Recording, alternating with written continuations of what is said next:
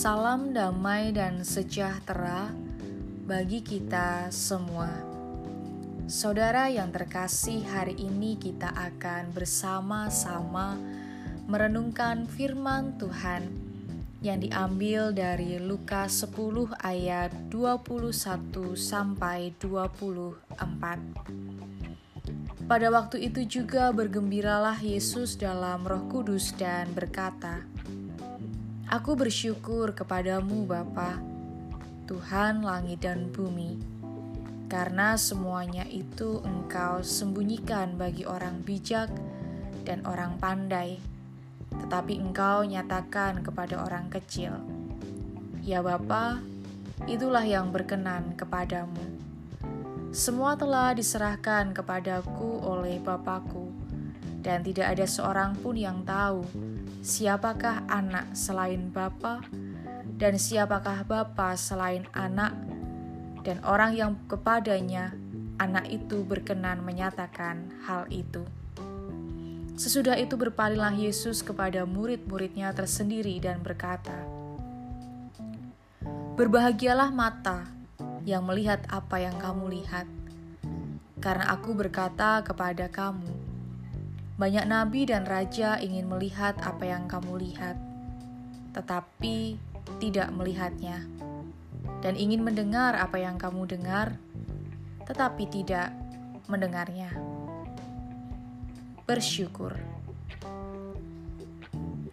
Bersyukur merupakan hal yang sangat penting dalam hidup kita. Bahkan kita dinasihati supaya mengucap syukur dalam segala hal.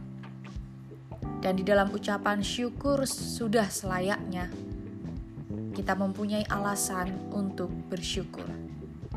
Seperti dalam bacaan kita saat ini, Yesus pun bersyukur dan bahagia karena melihat ke-70 murid pulang dengan sukacita. Yesus bersyukur kepada Bapa dengan beberapa alasan. Pertama, karena karunia Allah bagi para murid yang mengenal Yesus Kristus berkuasa menaklukkan kuasa iblis. Kedua, karena Allah berkenan kepada mereka.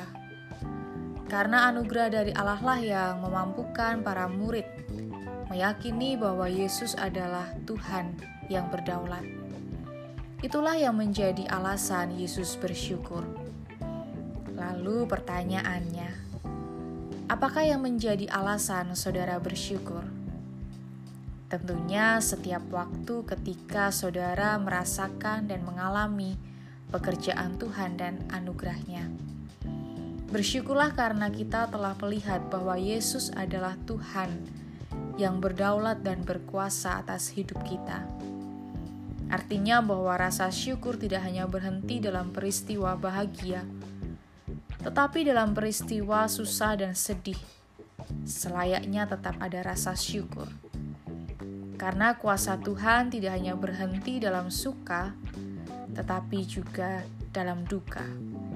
Ia hadir, menopang, menolong, dan tidak membiarkan kita berjalan sendirian.